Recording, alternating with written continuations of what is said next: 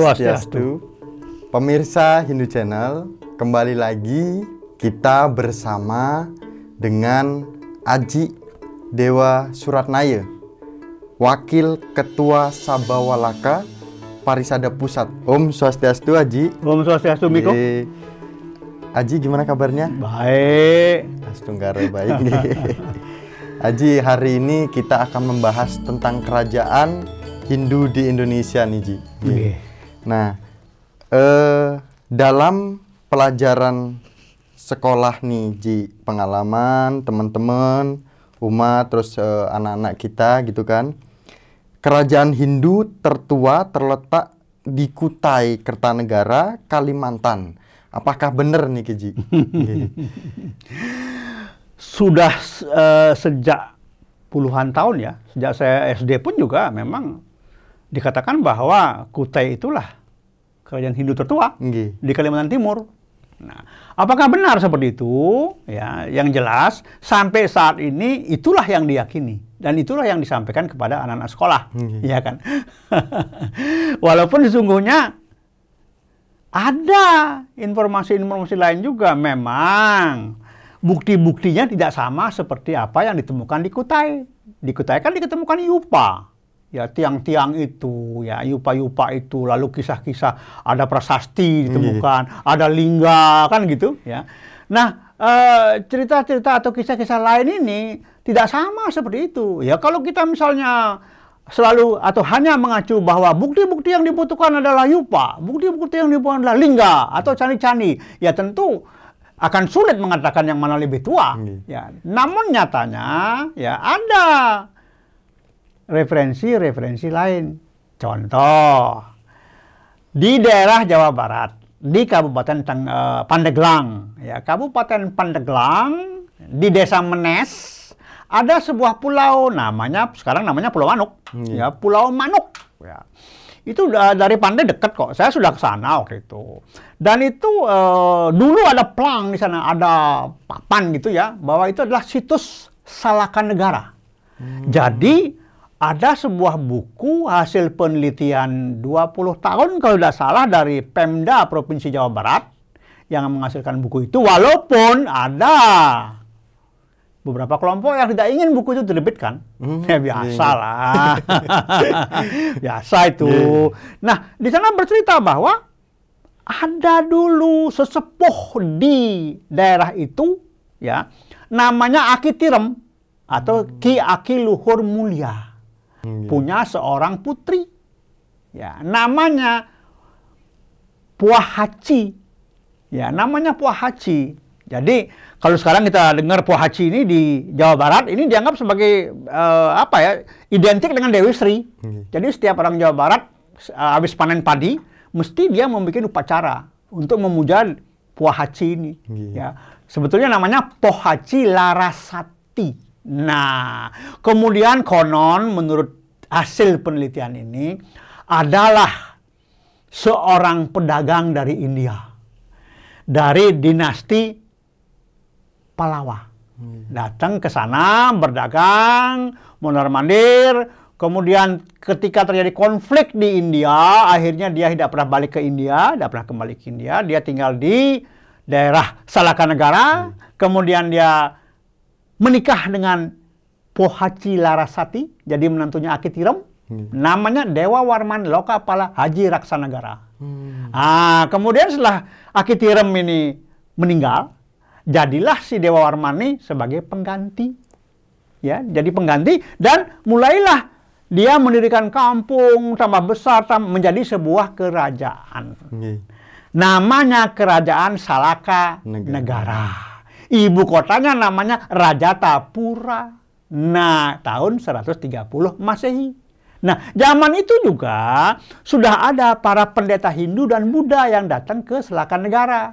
Mengajarkan ajaran yang namanya Trimurti Swara. Hmm. Jadi, eh, ajaran-ajaran baru ini tidak konflik, tidak bertentangan dengan penduduk asli di sana. Karena penduduk asli selama ini juga sudah memuja Agni.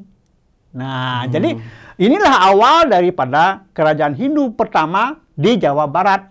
Nah, kalau kita lihat sekarang, Kutai tahun berapa? 400-an.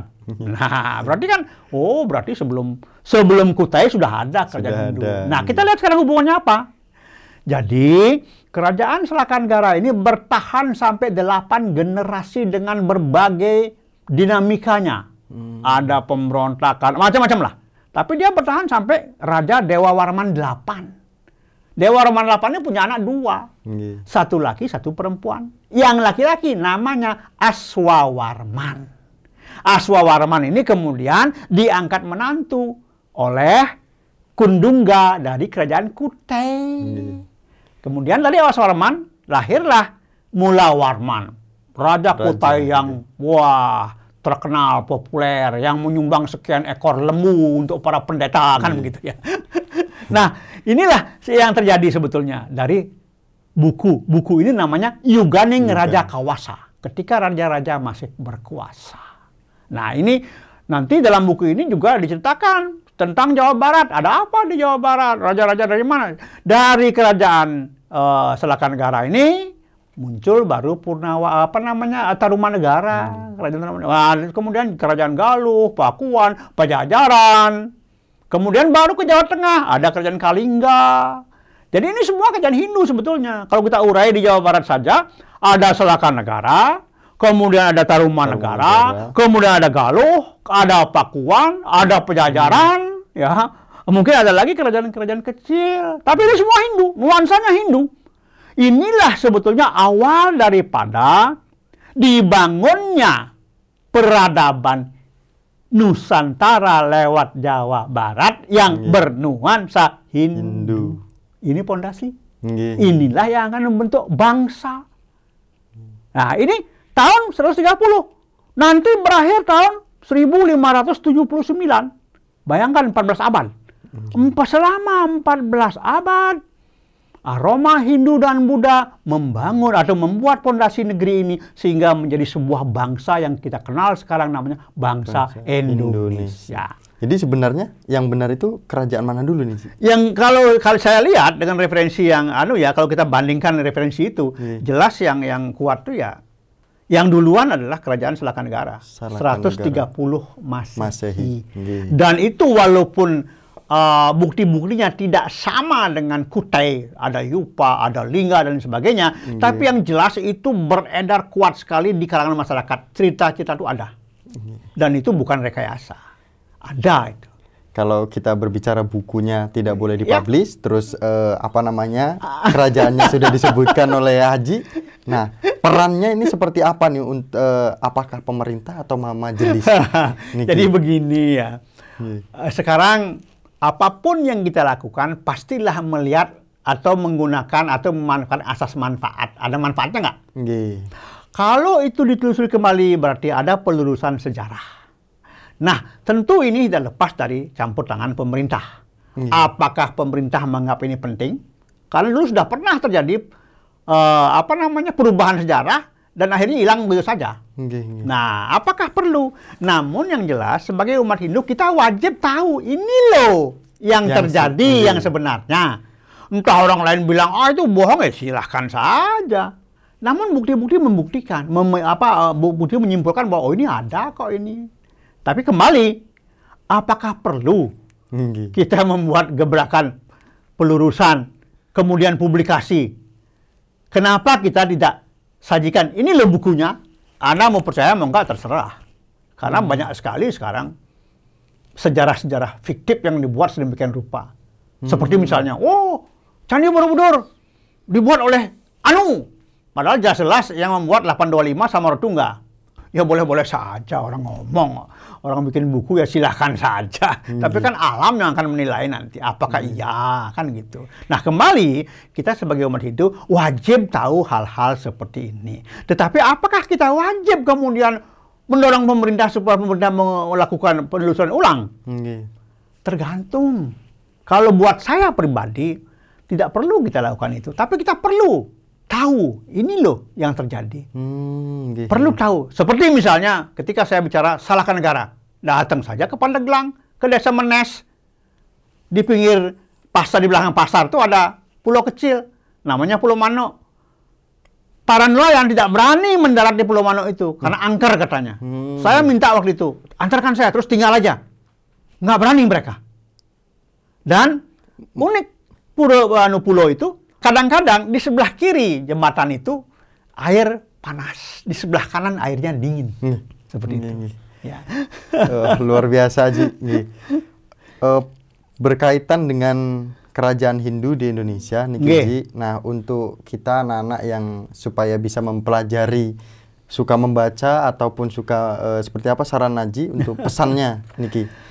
Ah, berani membaca, berani membaca, kemudian menganalisa, jangan meninggalkan logika. Kalau ada peluang, datang ke lokasi, Hmm. lihat seperti apa, benarkah itu?